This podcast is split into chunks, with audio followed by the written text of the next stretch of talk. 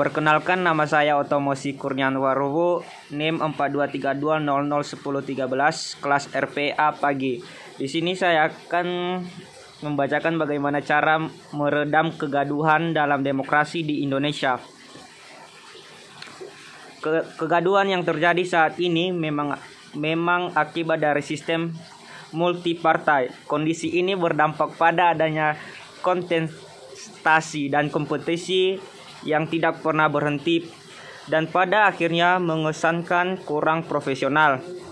Menghadapi kegaduhan di Indonesia khususnya dalam hal berdemokrasi, NKRI perlu menekankan fungsi presidensial yang menjadi sistem negara saat ini.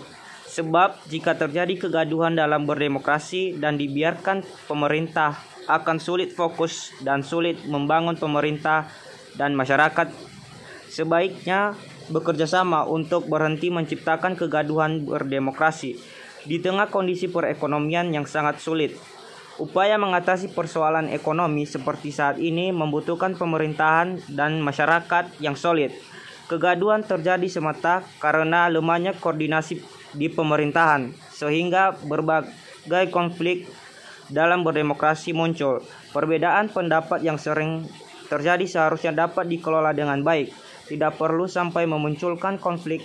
Dan ini penting karena pemerintah sedang menargetkan untuk menjaga optimisme di kalangan pelaku ekonomi dan juga buat para pendemokrasi. Demikian.